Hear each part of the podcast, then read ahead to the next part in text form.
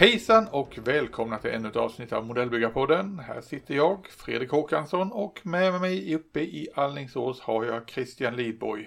Hejsan Christian, hur har Hejsan. du denna första maj? Första maj, första torsdagen i mars höll jag på att säga, men det är något helt annat. Nej, det var en annan sak. Det är ju redan förbi. Det är det, förbi. blev, det blev marsipantårta då. Ja, det blev det såklart. Du är som det- sagt, du, du må bo i Halland, men du är smålänning eh, in the heart, helt klart. Japp, det stämmer. Nej, men hur, har- hur har du det där uppe i Allingsås denna Jo, men vårdag? tack, tack, väldigt bra. Ehm, livet leker och solen skiner och det finns objekt att bygga på. Så att eh, nu är det så här lite mittemellanväder så då kan man ändå kombinera eh, lite byggtid och lite gå ut och gå-tid. Eh, Ja, ja, så det, du behöver inte ha dåligt samvete för att du sitter in och, och bygger hela tiden. Eller sitter och bygger emellanåt. Utan, ja, jag, jag, kom, jag kompenserar det med en promenad. ja, men så får det ju vara. Man får ju ändå njuta av de dagarna som, som bjuds där ute. Så att, eh, nej men det tycker jag är väldigt trevligt och mysigt. Och byggmässigt så har jag väl fått igång lite fart också på det. Jag har ju, har ju många projekt på gång eh, samtidigt så att då blir det ju eh, man tar ju liksom lite de lä- lägst hängande frukterna eh, först då på något sätt. Ja. Men annars ja. ja. Vad, vad har du gjort senast nu här då? Det, Nej men jag har faktiskt eh, fått ett uppdrag av eh, museet i min lokala kommun, Alingsås kommun, att, att göra en bronsåldersby. Eh, Okej. För att det hittades en bronsåldersskatt här i, i krokarna och nu ska den ställas ut delvis då på Alingsås museum. Så att då vill de jättegärna att jag ska hjälpa dem att göra en, en bronsåldersby. Och jag kan ju ingenting om bronsåldern. Så att eh, nu håller jag på att lära mig. Jag har ju fått en avhandling av dem som ska kolla igenom hur de byggde hus och sådär. Ja, eh, då kan jag säga det att eh, Ja, vad har vi för som är gjort i brons? Kanonerna på regalskeppet Vasa. Exakt. Så de ska De ju kan du givet... väl eh, få in där va? Det är klart att det ska vara med en kanon eller sju. Det är givet. Då har du nog något museifolk där som kommer slå avigt. Som kommer undra vad i 17. Ja, nej, så i samband med den här lilla utställningen så ska det stå då ett diorama av en bronsåldersby. Och planen är att jag ska göra den i 1-35 för då kan jag åtminstone ha någon, någon grisrackare eller någonting i, eh, i något hörn liksom på något sätt. Ah. Ja. Eh, så att, ja, ja, men det är spännande. ja faktiskt. Så nu har jag fått lära mig lite grann om långhus och, och sådana saker. Och, mm, Jaha, du får gå kurs också eller? Du får, eller får du utbilda dig själv? Ja, men det är en kombination. Jag matas med material faktiskt ifrån dem och eh, ehm, Ja, det, det är väldigt kul och jag tycker också att det är ett ärofullt uppdrag att få hjälpa till eh, kommunalt så. Ehm, Ja, det är häftigt med sådana här commissions. Ja, faktiskt. Nej, men jag gillar det. Så det har varit lite fokus på det och samtidigt så har det varit fokus på, ja men som sagt, att avsluta vissa projekt. Nu är det ju, tiden går ju så fort så det är bara några timmar kvar innan vi ses igen i Göteborg och i Malmö på tävlingar. Eh, nu överdriver jag Oj. förvisso, men... eh, Ja, det, nu börjar jag tänka, vad, vad, vad, vad har jag missat nu? Men det går ju väldigt fort och... ehm, Ja, och vi har ju nu under sommaren så har vi ett par små grejer också som vi kan liksom njuta av. Mm. Vi har, eh, vad blir det, första juli. Där någonting, där har vi Grevens Glue Galore just det. uppe i Borensberg. Då ska du dit bland annat. Jag ska väl dit hade jag tänkt. För Mm. Det är en väldigt trevlig liten träff. Ja. Och sen eh, precis i början på augusti så är det ju F10 Memorial nere i Ängelholm. Också Just. en väldigt trevlig liten träff där. Mm. Mm. En lördag, söndag. Första helgen i augusti blir det. Ja. Så eh, det har vi också sett fram emot här under sommaren. Ja, och det skulle jag också gärna vilja. Jag har ju fortfarande inte varit på flygvapenmuseet där i, i Ängelholm, så att, eh, eller flygmuseet, så det vill jag ju gärna haka på såklart. Då får vi arrangera så att det, det blir av. Ja, absolut, absolut.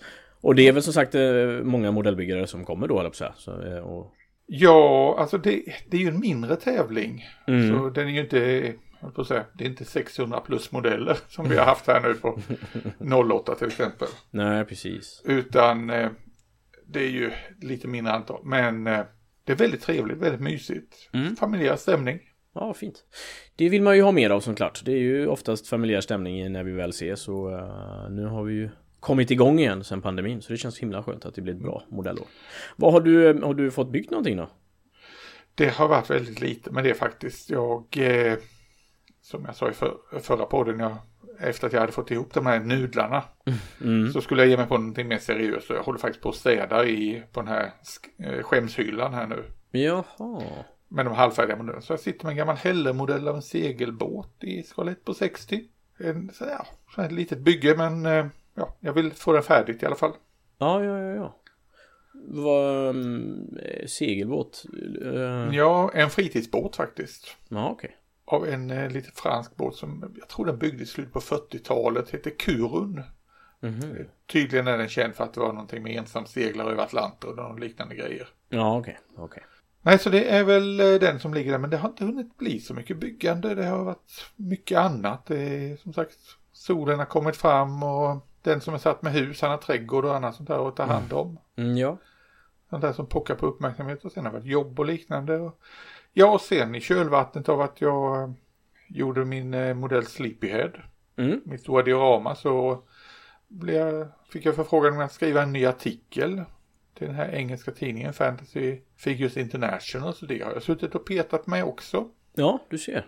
Det är ju... Det ger lite ringar på vattnet, eller här. Lite härligt Ja. merjobb. Ja, frågan är när man ska hinna bygga. Men det, nej men det, det är så. Det, Ja. Man ska inte känna att byggandet är ett eh, tvång ju. Det är det som är det viktiga. Nej, det håller jag med om. Och det jag tänkte lite på du sa där... eh, eh, the shame, eller på så här, vad kallar du det? Skam, ja, skämshyllan. Skämshyllan liksom. Att när, när går gränsen att man faktiskt... Jag, min utmaning är ju att jag är ju inte så strukturerad och OCD-aktig som du är. Eh, Så att när jag ska... åh, Okej, tack. när jag ska när jag tack doktorn. Ja, du fick den gratisanalysen när de är ja. eh, Diagnosen. När, när, för när jag ska gå tillbaka till ett objekt så i, mm, kan jag ibland svårt att hitta allt. För att då kanske jag har lagt en moj där och en annan moj där och sådär. Eh, och då tänker jag, vad, går- när går gränsen för att man faktiskt ska slänga skiten? Ja, det är en bra fråga faktiskt. Mm. För, för mig har det varit om jag liksom ser att, att jag har utvecklats som modellbyggare. Det brukar vara gränsen, för jag har kanske bättre ordning på prylarna än vad du har då. Mm. Men om jag ser att nej, det här är målat så jädra taskigt. För det har Mm. legat så länge eller någonting annat. Eh, ja. Och känner jag att nej, det här går inte. Det här blir för mycket jobb. Då ryker modellen. Mm, mm. Sen kan det ju vara så också att det finns ju undantag även på det. Så jag är ju inte fanatisk på det sättet. Det beror ju väldigt mycket på vad det är för modell. Det kan ju vara en modell som man vet att ja, men den här är liksom one of a kind modell. Mm. På något sätt vill jag få ihop den. Då Ja, kanske det man sant. får ta backa några steg. Precis, och jag tänker att nu för tiden bygger man ju mer objekt som ligger en nära, nära en hjärtat på något sätt än i alla fall för min egna del, att förr byggde, kunde man bygga lite var som helst. Men nu som sagt lägger man ändå ner lite mer tid och planering och man undersöker objektets förebild mer och Mm. Och det kan ju vara det att det är själva plastmodellen i sig, att den är så pass sällsynt och att man känner att mm. okej, bygger jag inte den här nu så kommer jag aldrig kunna bygga den igen. Nej, nej men precis så är det ju. Men eh, nej, som sagt, ibland får man ta, ta tag i de bitarna. Ja, det får man faktiskt. Man får ehm, lära sig att göra klart och jag kämpar fortfarande med det. Ehm, Ja, och, Det blir bra när du blir vuxen. Ja, jag hoppas det. När jag växer upp så hoppas jag. Jag har ju ändå faktiskt köpt nu. eh, Jag har ju köpt en en amerikansk eh, kasta iväg granater-maskin jättelångt. En eh, M109 Paladin. Så att, Ja, ja. ja. Och det var ju inte så att jag behövde ha fler saker och fler lådor i mina hyllor på något sätt. Men eh, man måste ju bryta den här vita inköpsmånaden också. Så eh, Ja, den har jag faktiskt lyckats hålla när det gäller själva modeller. ja. Men sen har det dykt upp lite andra grejer. Ja, jag har ju saker på ingång också. Nu kommer ju eh, Canforas bok eh, om eh, Per-Olof Lunds modeller. Ja. Alltså volym 2 där. den Just det. Ja. Den eh, fick jag ett besked om att den ligger den på posten. Att Jaha. Fram emot veckan som kommer. Nämen, den är så, eh, så färsk och varm alltså. Ja, vad spännande. Mm. Och sen, eh, ja som vi pratade vid du och jag innan att jag hade ju lite tandläkarbesök, en liten rotfyllning. Mm. Det gjorde att även där kom mitt modellbyggande in för jag upptäckte att de hade små, små filar. Ja, de gick just ner med det. i tanden. Och de har ju kommit. Så ska vi se om man kan få användning av dem till någonting. Ja, jo men jag Det såg att du... så- vi- Och det, vad var det? 0,03 millimeter. Så att... Nej, 0 0,4 millimeter 0,4 var det diametern millimeter. på den eh, minsta av dem. Ja, okej, okej. Och de var väl gjorda i rostfritt stål, faktiskt lite böjliga de minsta, så det är inte som de här små, små borren som bryts bara man tittar på dem.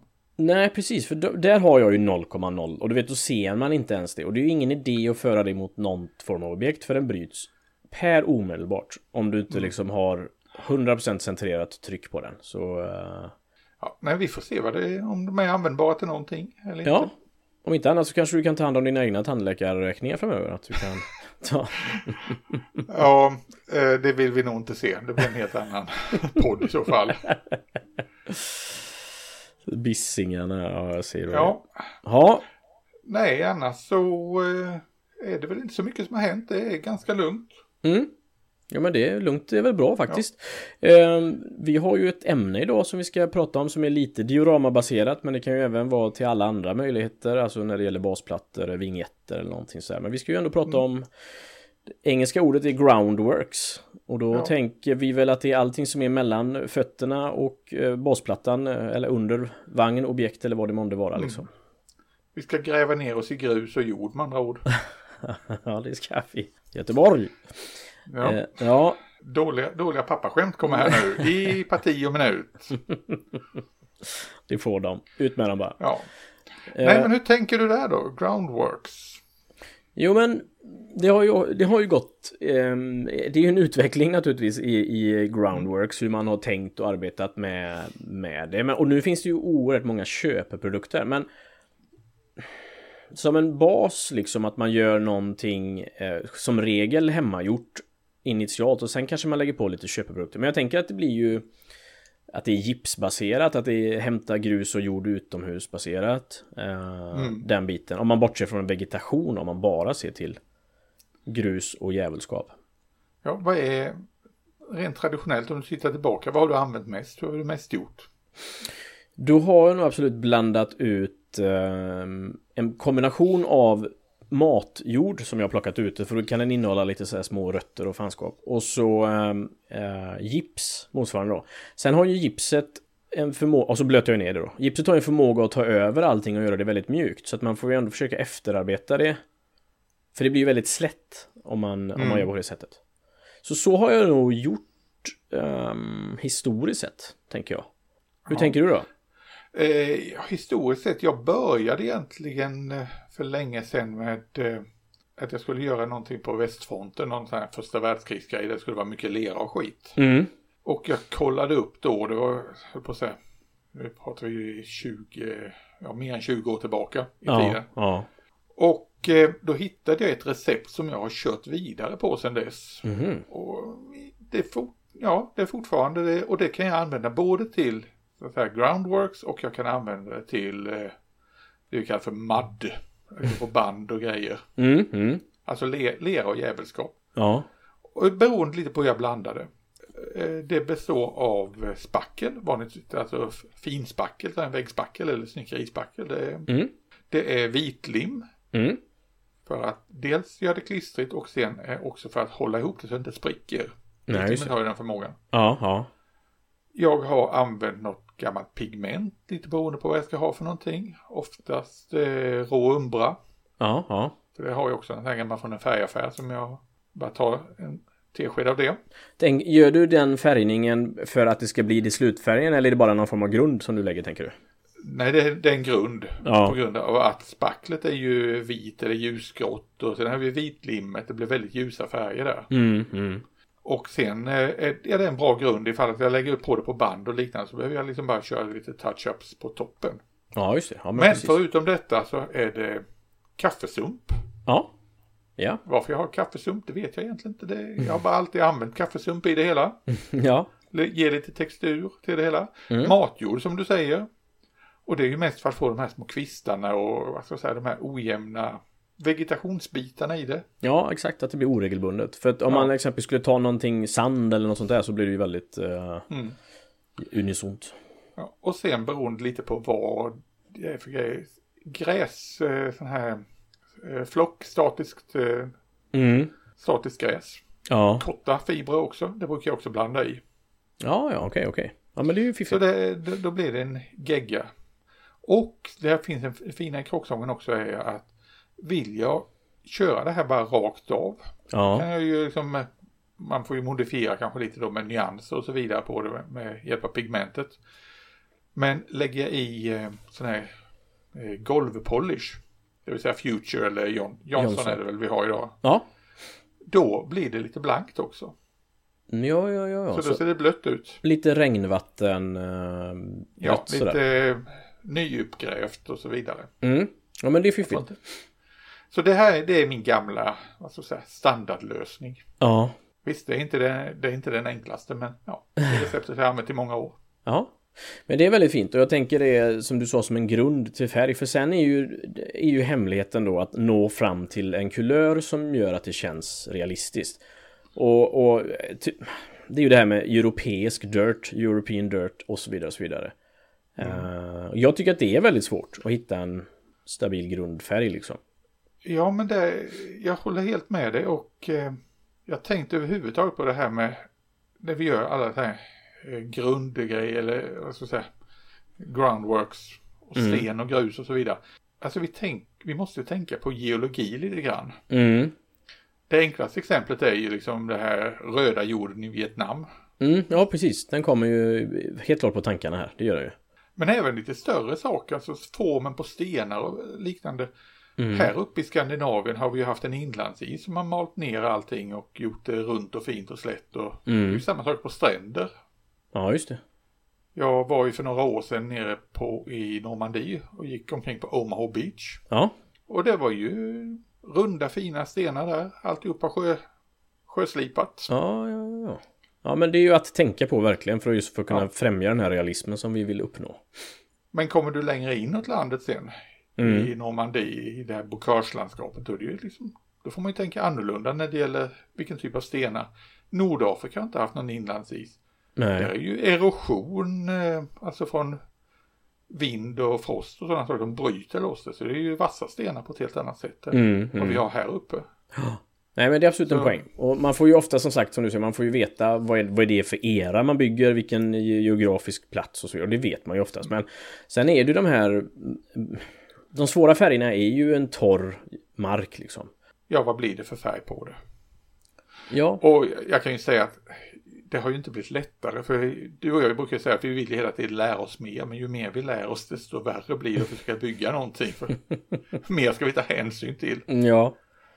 Nej det är Det var, så, det var så enkelt man var tio år och bara drog på det där eh, så, sågspånströsslet på modelljärnvägen rakt av.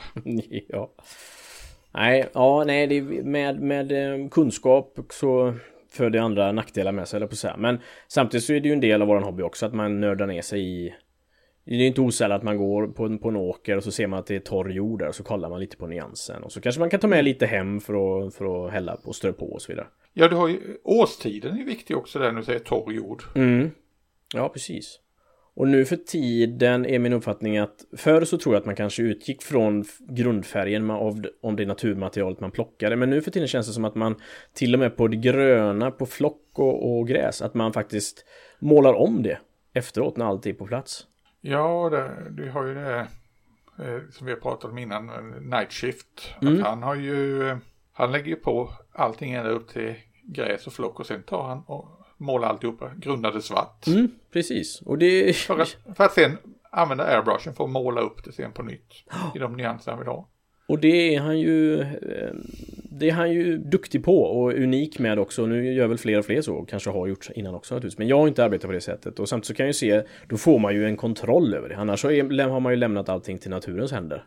Ja, jag har inte kört svart alltså men eh, det här när man har kört statiskt gräs och sådana prylar det har jag ju gärna velat måla om eller mm, mm. lägga på. Damma till och lite så. Man, det ska inte vara den syntetiska färgen på det, eller det glittret som blir av det syntetiska. Nej men exakt när polyesterfibrerna faktiskt är nästan självlysande eller så här. Så då får man ju tona ner dem antingen med damm eller en annan grön färg. Helt klart.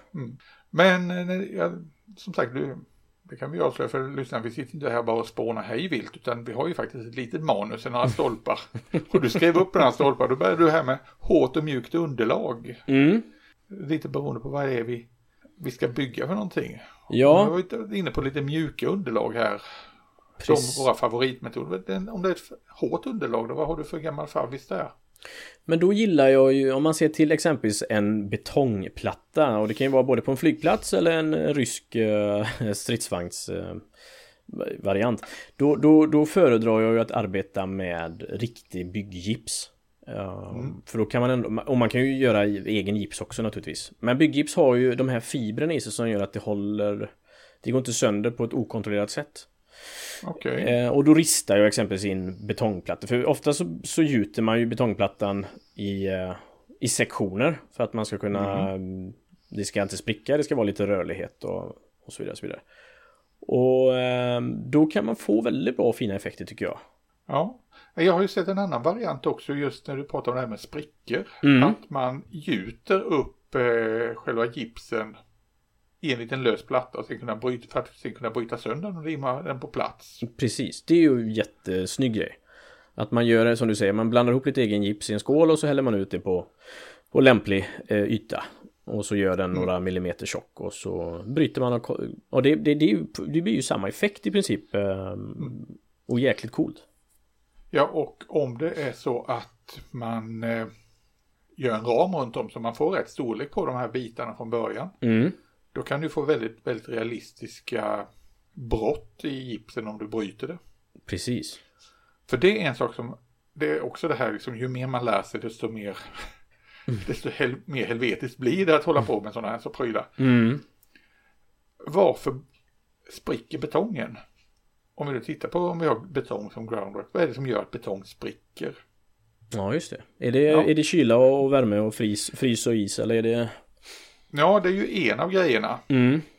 Att betong rör sig och eh, man har ju armeringen i det också för att, det, för att hålla ihop det. Ja. Men det hjälper ju inte alltid, för är det för långa, för stora sjok, Mm. då spricker det på grund av att det blir spänningar i betongen. Ja, just det. Och det tar väl ganska lång tid för betong att härda 100% eller till så här. Ja, Att brinntiden det, är... ja, det är ju, vad blir det man säger, 28 dagar eller något sånt där. Ja, Sen okej. är den full, fullhärdad, så det är, det är lugnt på det sättet. Ja, okej. Men över tid, alltså den rör ju sig, du vet, varm sommar, kall vinter, varm sommar, kall vinter har det varit. Och sen Mm. lite fukt och så blir det en liten spricka och så kommer det in mer fukt och kommer fukten in och så fryser det och så blir det, spränger isen och ja, ena Ja. med det tredje. Men då är det ju just det här med riktningar på saker och ting också. Mm. Kommer vi in på där.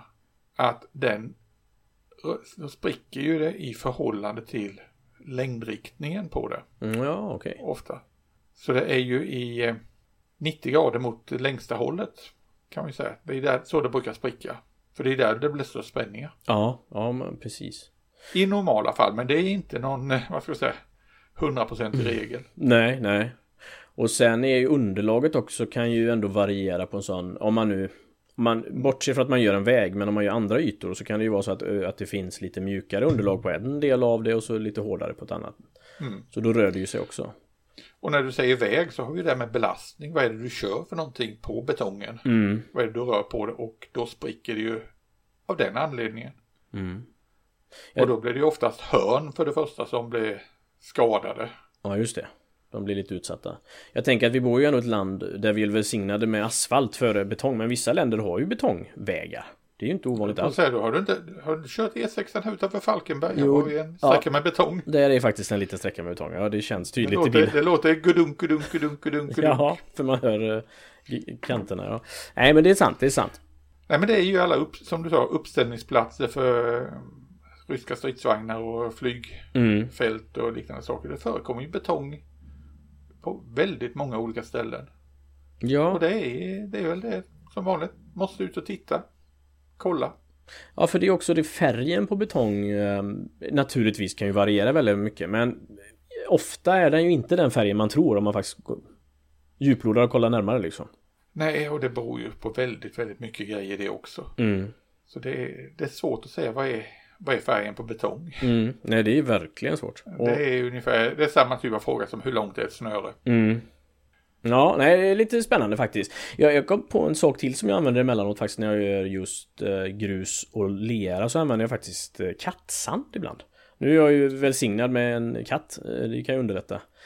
Eh, Ja, nej, det har jag faktiskt inte i det här fallet. Nej, initialt så tänkte jag att det kanske blir sådär att det liksom sväller upp sådär. Men jag vet inte hur all kattsand funkar. Men mitt gör inte det. Utan det blir fina eh, knytnävstora eh, stenar då i 135 kan man säga. Mm. Ja, jag har ju en annan välsignelse just när det gäller sand. Ja, Jag har, jag har ju Sveriges bästa badstränder här utanför. just det. Jag har ju Skrea strand att kunna hämta material på. Ja, Så det är ju ja, fin havssand. Kan jag använda till väldigt mycket. Gjut perfekt. Men så det är, det är, vad ska jag säga, någon gång om året. Mm. Ner dit och fylla en liten, fylla en liten burk.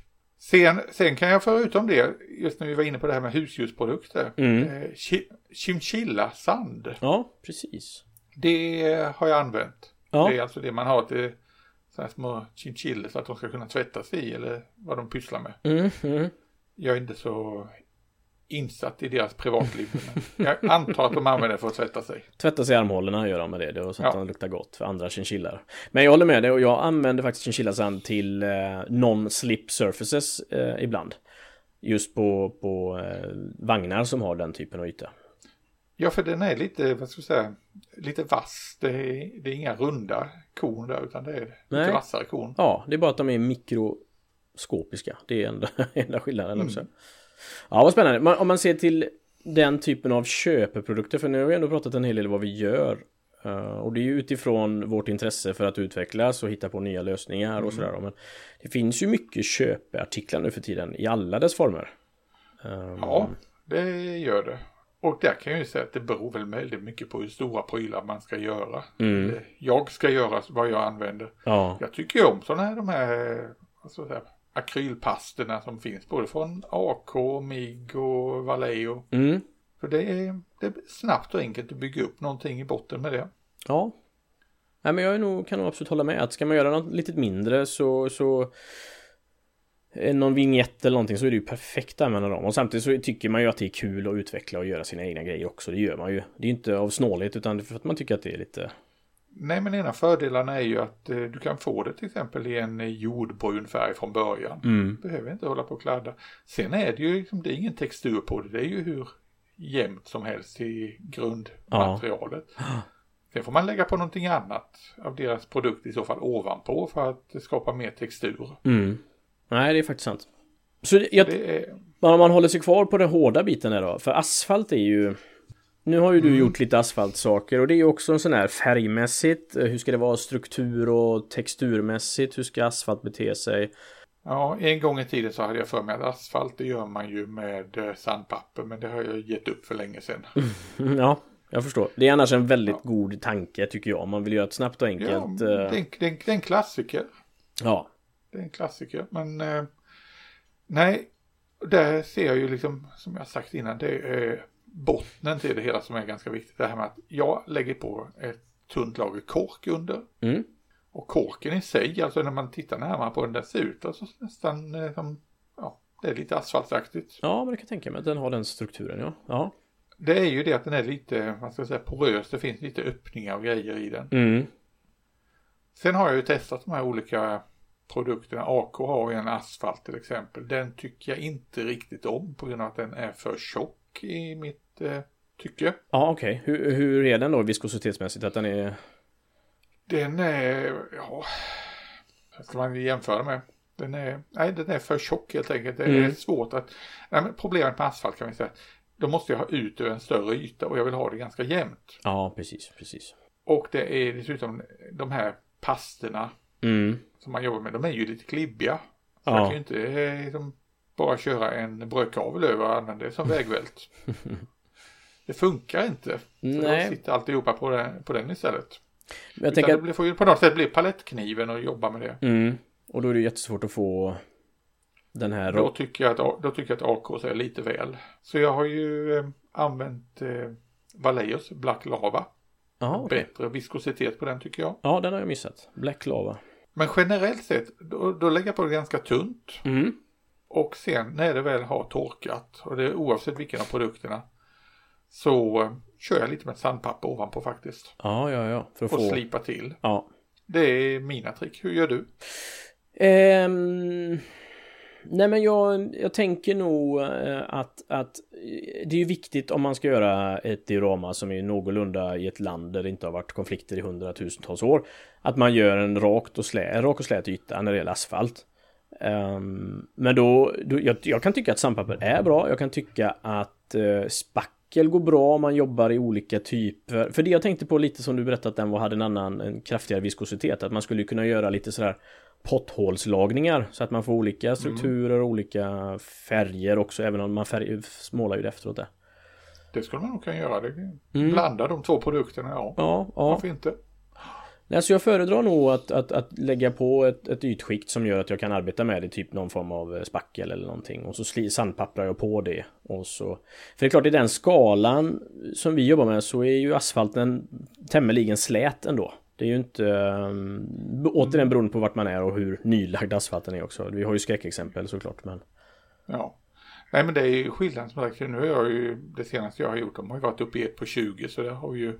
När vi är 1 på 20, 1 på 24 ser man det bättre än om vi är nere då på 1 till 35, 1 till 48, 1 till 72. Ja, ja. Nej det är verkligen så. Sen är det det här med färg också. Det är klart att man, man lock, det är ju lite som man lockas med tanken att måla svarta bärhjul på en stridsvagn när det ska vara gummi. Men det finns ju inget, inget gummi som är svart och ingen asfalt som är svart. Så att det gäller ju också att hitta en... Nej, jag tittar ut genom fönstret här nu och den är ju eh, ljusgrå. ja, precis. Och, och sen, eh, sen eh, nu sa jag det här att, att vi är ett land där vi inte haft krig och så vidare på länge. Mm. Jag tror jag läste på lite det här för vi pratar om på engelska säger man asphalt och sen pratar man om tarmac. Mhm, okej. Okay. Och vad är skillnaden på det då? Ja, om jag har förstått det hela rätt så är det ena, om det är tarmac, det är mer åt oljegrushållet. Ja, okej. Okay. Alltså det, det beror lite på hur vi, och det kan vi ha här också. Det är ju mm. skillnad alltså på oljegrus och på asfalt. Ja, ja, Det är, det är lite, hur grovt är det? Hmm. Just det. Men det där måste jag nog forska mer i. Men det är skillnad. Alltså, och det, det är ju, folk har ju, det, eller länder rättare sagt, har ju haft olika traditioner just när det gäller hantering av det här. Mm. Men det känns som... De, äldsta, de äldsta exemplen på asfalt, de är väl från, eh, ja, forntiden om det var i, i de sumeriska städer eller någonting när man hällde ut olja eller något sånt där på gatorna och fick det, lät det stelna. Jaha. Ja, det var som sjutton. Så gammalt är materialet alltså? Ja, ja, ja, ja. För jag, lite som du säger, jag tänker att det finns ju vissa vägytor som man lägger på något kärliknande och sen så slänger man på grus, ish, som mm. fastnar i detta liksom. Och um, det är ju också ett sätt att, att kunna variera verklighets och realismen i ett sånt här projekt. Att det behöver ju inte vara på ett visst sätt. Det kan ju vara lite in och ut och, och säkert så är det ju gropar. Vi har ju väldigt, um, vi har ju ett gammalt vägnät i Sverige även om vi jobbar med vägarna hela tiden så är det ju mycket gropar och Ja, och eh, det här med, när, då kommer vi över på det här med grusvägar. Mm. Och när jag tänker efter, ja, vi brukar göra grusvägar ganska jämna och fina. Mm. Och kanske ha lite gräs i mitten. Men vad jag kommer ihåg från när jag cyklade när jag var, var barn, så var det ju att delar av den här grusvägen var ju alltså så hårdpackad så den var nästan blank. Ja, just det. Nej, men det är absolut en poäng. Det är det. Och, och det... så, borde det ju, så borde det ju vara alltså i, på en hel del vägar. Mm. Om, det inte, om man inte har kört med bandfordon där och dratt sönder allting totalt. Nej men du har helt rätt att vissa, det blir också på kör, körytorna så blir det ju väldigt hårt packat. Och så runt omkring kan det ligga lite lösgrus och det gör det Och det är samma sak också på en asfaltsväg, att vi ser ju var man har kört. Ja. Det, alla vi som har körkort, vi tänker ju på det, särskilt när det regnar. Var ska jag köra? Mm, mm vi ser hjulspåren framför oss och försöker undvika dem. ja, men det blir faktiskt ganska tydligt. Det blir det. Ja, det är spännande. Asfalt är ju ett, helt klart ett kapitel för sig och det är väl kanske inte så ofta som man eh, hamnar i ett, diorama där man behöver göra asfalt. Men eh, det är ju, håller man håller sig som regel med till, till lera, grus och, och eh, gräs liksom. Tänker mm. Jag ser var vi inne på sand, öknar. Mm. Det är ju en intressant grej också. Ja, det är det sanning. Det finns väl eh, ganska bra produkter idag som gör att det torkar som en klassisk öken gör, eller? Eller hur jobb... Ja, ja det är ju sån här, eh, ja, det är en medel som gör att det blir sprickor i det hela, cracking mm. liquids eller vad det kallas. Ja, just det. Men det är ju inte typiskt för alla öknar. Nej, nej. Öknar är ju extremt individuella också. Mm. Normalt sett tänker vi en arabisk öken med stora sanddyner. Men det är ju väldigt, ja, det är ju delar av öknen, det är ju djupa öknen. Ja. Men tittar vi till exempel på det man slogs i Nordafrika. Det var ju kustremsorna i, mot Medelhavet och det, där såg ju öknen helt annorlunda ut. Ja. Men är inte det lite... Jag tänker att också när man bygger ett diorama eller en vignett så vill man liksom få, försöka få med alla attribut i den geografiska regionen på något sätt. Menar, Man vill gärna ha med en palm. Eh, det får gärna vara stenar och grusar. Och kan man få med en, en trasig pylon motsvarande eller något annat eh, byggnadstekniskt. Mm. Så man liksom Som dioramabyggare vill man liksom skapa den effekten och känslan att nu är vi här.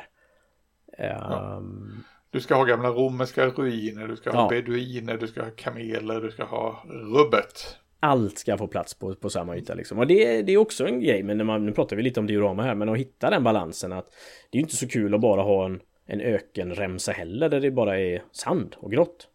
Nej, det, och det, nu skulle vi just prata groundworks idag, men just det här med att man vill ha med allt, det gör att man kan också gå lite överstyr och missa en del saker. Mm. Eh, växter till exempel kan ju bli helt fel. Mm, ja. Det är som jag sett eh, vid något tillfälle någon grej som ska utspela sig i Nordafrika där man fick med en kaktus. Jaha. Det såg lite konstigt ut. Ja, ja. Ja. en typ av, eller fel sorts palmer. Mm. Det är, det är ju helt olika palmer i öknen och det vi har i Stilla havskriget till exempel. ja, men verkligen så. Det, men det kan se lite sött ut ja, när man... Ja, det är ju inte precis kokosnötspalmer som vi har i öknen.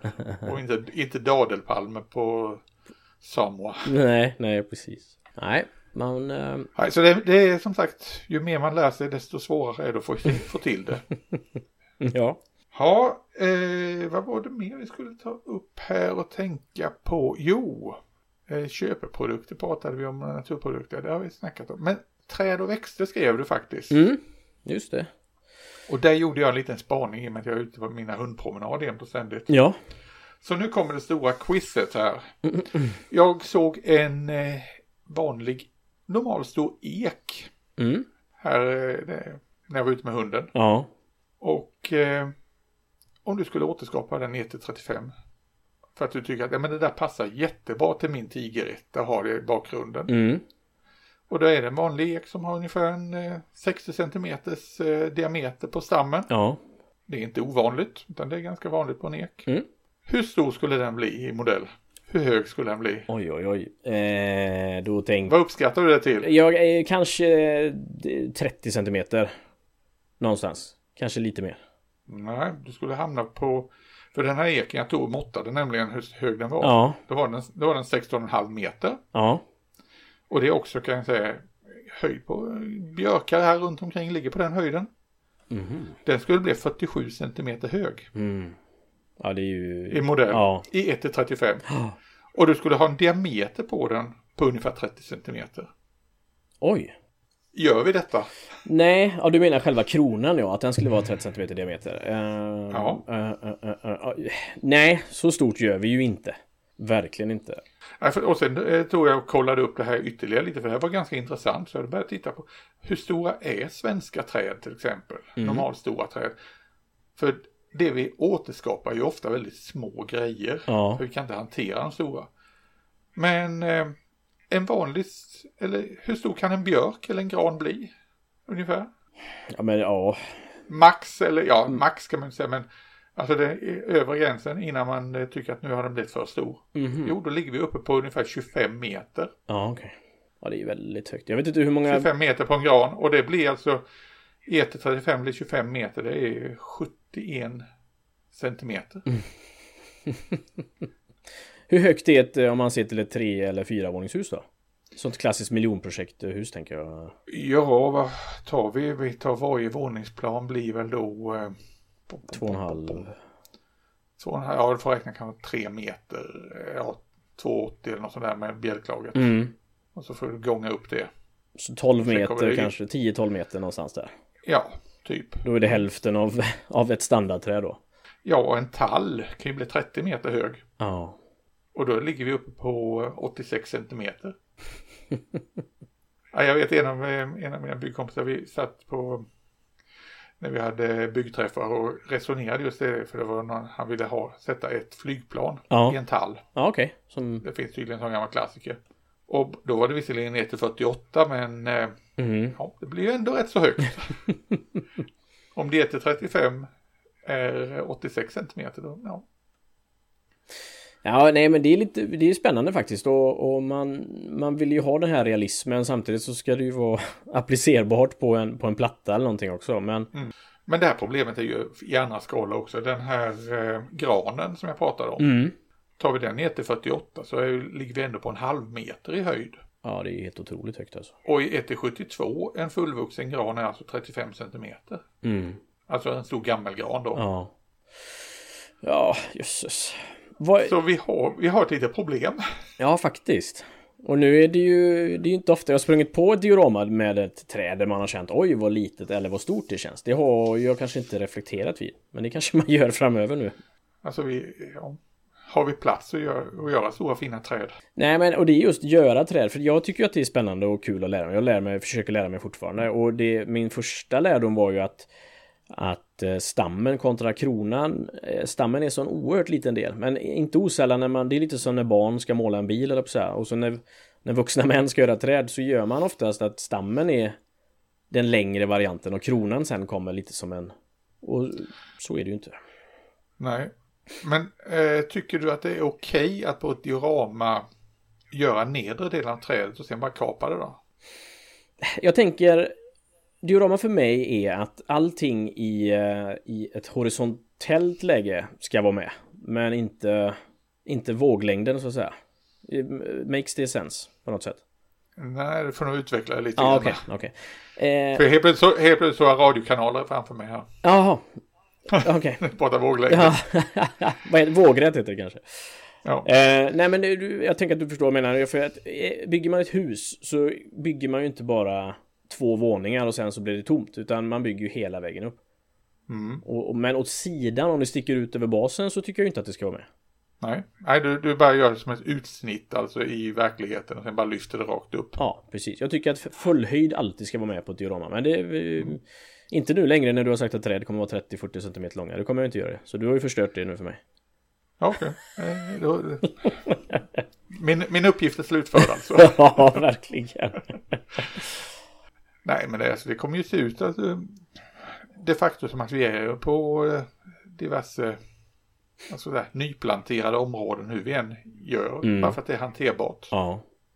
Det går inte att göra liksom, totalt realistiskt där. Nej, det är sant. Och sen naturligtvis är det ju som allt annat som växer att det är ju litet någon gång. Och kanske just det dioramat när just min vagn passerar så åker man förbi ett litet träd och så vidare. Så att det är klart det är det är, ju, det, det är ju under en, en växande fas. Så att det är väl kanske därför man inte har tänkt så mycket på det förrän du tog upp det nu tycker jag. Kan man säga så? Men du, det som faller ner från alla träd, det vill säga löv och sådana där saker. För det har vi också, vi pratade om det här med groundworks, att, eh, Mm. Att du har matjord i för att få med lite sådana här saker. Hur ser du på sådana här som eh, pinnar och löv och grejer? Vid något tillfälle så eh, yttrade du någonting, eller fick en rysning när, när du såg eh, björkfrön. Mm. Vad har du emot dessa björkfrön? Björkfrön är en styggelse i diorama och ska för alltid förbjudas. Det är, oh my, åh, så dumt. Ja, tycker du verkligen det? Ja, men det tycker jag faktiskt. jag får hålla fast vid den. Med... Nej, skämt åsido så, så finns det så mycket bra alternativ idag, tycker jag. Eh, sen, sen minns jag, jag vet inte om du kommer ihåg när det var väldigt populärt med det här Forest in a pot. Att det var tillverkare som i princip plockade massa saker och la det i mixer, tänker jag, och så och, ehm, och det är ju svårt att få till den här naturliga övergången mellan en väg och sen så blir det eh, grus och gräs och så skog och natur liksom. Hur, vad är det för typ av växtlighet där? Nej men alltså det här med att under träd och liknande, där finns ju massor med gammalt material. Mm. Och det ligger löv och grejer. Så om det inte är någon som är och krattar upp det så finns det ju där. Även mitt i sommaren så finns de här prylarna. Och det beror ju helt på vad det är för skog. Visst, gräset kan sticka upp emellan men det finns de här gamla löven och pinnarna och sånt i botten ju. De, de ska vara där. Ja, absolut. Och om man tittar närmare så ser det ju mer eller mindre ut som en grönsakssoptipp. Det är ju hur mycket bröte och skit som helst. Men ibland så gör man ju lite... mm, lite renare och enklare miljö utan att det... eh, Ja det har väl återigen med kunskap och så här. Man, man får gå ut och titta lite i naturen. Ja, och vad är, vad är det för typ av träd? Det är ju väldigt skillnad på marken i en bokskog. Mm. Eller en ekbacke eller en björkbacke. Ja, det är faktiskt sant. Det är väldigt skillnad på hur de ser ut. Ja. Men du, jag ska faktiskt ta och försöka försvara de här små björkfröna lite grann. Jag har haft jättestor användning av dem till en grej. Ja. Och det är inte som eh, döda löv på marken. Utan det är faktiskt som löv till murgröna. Det är ju... Och då har jag mm, använt till stammen på murgröna så jag har använt en rot som jag ja, hittade någonstans i trädgårdslandet. Mm. Och sen en och en petat dit de här små björkfröna. Just det. de har rätt, de har rätt form faktiskt. Och sen målat det hela grönt. De har rätt form och rätt storlek där, verkligen. Det, är, det köper jag. Och det funkar på 1 till 35 och 54 mm. Alldeles utmärkt. Mm, mm. Mm, det Så där har de jättebra. en jättebra plats. Det håller jag med. Det håller jag med. Men innan de här puncharna kom, som man, eh, det finns ju olika fabrikat på de här som gör massa löv. Då, ehm, då gjorde jag faktiskt själv av eh, barnens punchar så tryckte jag ut en himla massa i löv också och det blev ju helt okej. Eh, Men jag minns också att man kunde köpa färdiga löv och då var det så att du köpte 12 löv för 95 kronor eller sådär. Så att, Ja, la, de laserskurna ja. Exakt. Det är extrem lyx alltså. Ja, så det har verkligen utvecklingen har gått framåt till att du kan producera miljontals löv själv då med en, med en punch. Eh, Men det här Forest in a Pot det är lite det är intressant för eh, jag har faktiskt, jag köpte billigt på Lidl för några år sedan Mm. en liten sån där mixer som man har till att egentligen köra nötter och annat sånt där. Mm. Och den har jag bara till att eh, köra typ eh, löv och där, grund, ja, groundworks i. ja, Så det gäller ju bara att, får jag bara väck de här stora bladnerverna, de, ja det beror ju också på vilken typ av löv man har. mm, mm. Så är det bara att köra ner det där, blanda med annat, då, får, då blir det jättebra material. ja. Jag, helt, jag håller med helt. Jag har köpt en sån 89 kronors mixer eh, om det var på Mm. Dollarstore eller Jula eller vad det kan ha varit. Jag vet inte. Och precis så som du säger, man blandar ner lite olika. Sen, är jag ju, sen är jag ju skadad, alltså det här med att göra själv, att jag har ju alltid med mig små påsar och grejer så att, Mm. i bilen och gärna en liten bytta så man kan, oh, här är vi på någon byggarbetsplats, här, här kan jag liksom plocka upp lite grus eller liknande. Just det. Och sen hemma i garaget så har jag faktiskt lite olika silar av Mm. och eh, metallnät med lite olika, olika stora hål i. Ja. Så att jag kan få fram lite olika fraktioner. Så att jag kan eh, ja, ta och sila upp de här så att jag får ut det fina materialet, det lite grövre och det för grova. Ja. Och sen kan jag lägga det i lite olika burkar. Ja men det är käckt. Jag gör samma också att jag, och så då åker jag till, till en second hand butik här eh, och kollar läget ibland och då finns det några, några silar som kommer in emellanåt sånt. Och som regel gör man ju eller man, men det finns ju en stor risk att man gör sakerna lite för stora. Så att eh, det, är väldigt bra att sila bort. Eh, det ska ju gärna vara pytte pytte pytte smått. Ehm. Ja, och där är ju, där är ju tillbaka till det här lilla helvetet också att gör vi det pytte pytte pytte smått så borde det egentligen nästan bara vara en slät yta i den skalan om, om vi tittar på det på lite avstånd. Mm. För det är så vi ser det i verkligheten. Ja. Nej det är absolut en poäng. Att, att, och så Så vi får nog överdriva lite just bara för den, vad ska jag säga, estetiken i det hela. Ja, Nej, men det håller jag med om. Och det är ju mycket vi gör för att det ska sticka ut lite för att det är i en skala där det inte... ehm, Då, då får man förstärka det. Det är ju lite så när, vi- när vi vädrar vissa saker som sticker ut på ett fordon eller något annat. Så att man överdriver vissa moment för att det ska sticka ut liksom. Ja. Jaha du, nu har vi pratat länge om det här. Ja, det har vi gjort är, du, faktiskt. är det något du vill tillägga eller är du nöjd? Eh, tystnaden. Nej, jag... jag ehm, Hur återskapar vi tystnaden? Om trädet faller hör, är det, och ingen ser det, ja, det hör man ljudet då. Eh, nej, jag känner att det finns ju mycket naturligtvis mer att prata om, eh, om detta. Jag tänkte på en sak, så jag tänkte att det som är väldigt eh, populärt nu för tiden är ju de här akrylstavarna där det är inpräntat en typ av yta, antingen tegel eller mark eller gru, ja du förstår vad jag menar ja, just det. De här texture rollers. Precis, det, det Ja, men det är en liten intressant och rolig grej. Ja, jag tycker faktiskt att man ska faktiskt ge dem en chans. Uh, dra ut lite lera på, på, på en yta och sen gå loss med dem. Uh, beroende på om du vill att det ska vara på marken eller om det ska vara på en vägg eller så här. Och man kan även göra det på XPS foam så får du i princip samma. Du får trycka väldigt hårt men du får samma typ av struktur. Jag eh, gjorde ett väldigt lyckat eh, en väldigt lyckad bottenplatta i 1 till 87 faktiskt. Ja, okej. Med sådana. Ja. Just för att få fram en, eh, ett gatstensmönster. Mm. När man har de här eh, eh, vad säger, båg, gatstenen lagd i bågar. Ja, just det. Som är ganska snyggt. Och det är ju ett helvete att försöka återskapa det för hand. Mm.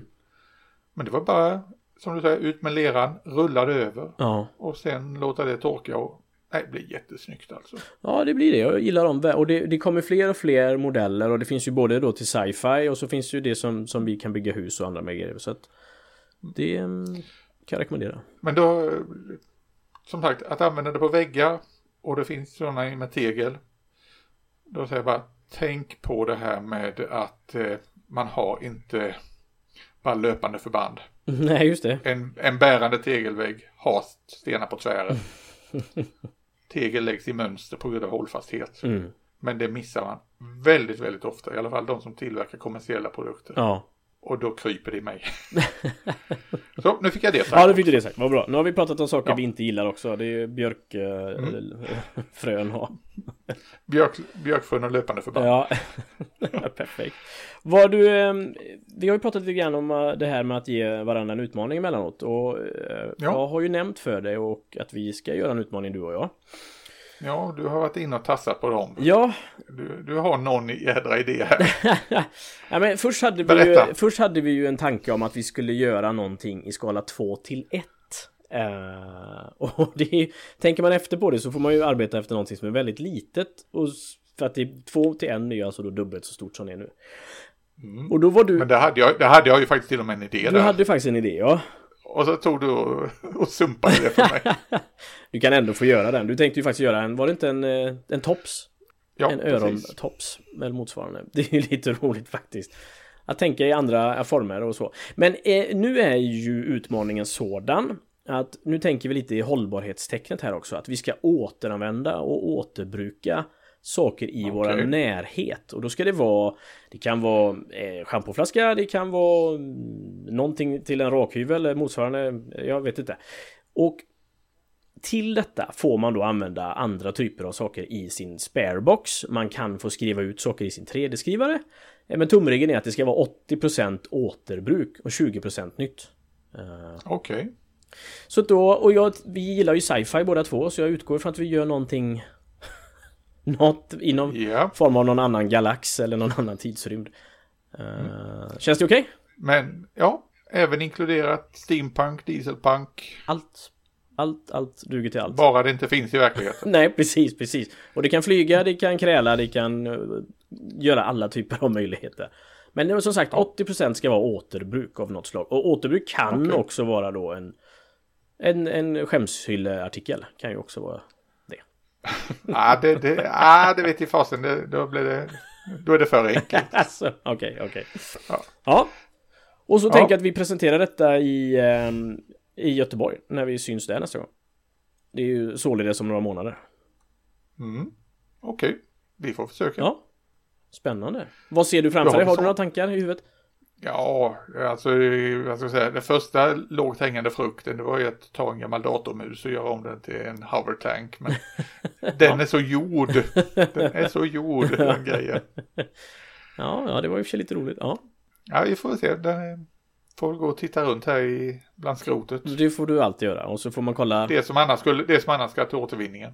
precis. Lock och korkar och, och du... Ja, så får vi väl se vad våra lyssnare säger om, om eh, Håkansson och Lidborg. Om de har totalt förlorat liksom, allt vett och sans. Men visst, jag antar din Ja, utmaning. vad fint. Det gläder mig. Det gläder mig. Så får vi se när eh, vi kan börja presentera lite. Och det är viktigt att vi fotodokumenterar såklart också. Givetvis. Givetvis, naturligtvis. Okej, Ja, eh, vår interna lilla groupbild här nu exakt. Väldigt spännande. Mer så, mer så. Nej, Ja. annars har jag inte så mycket mer faktiskt idag.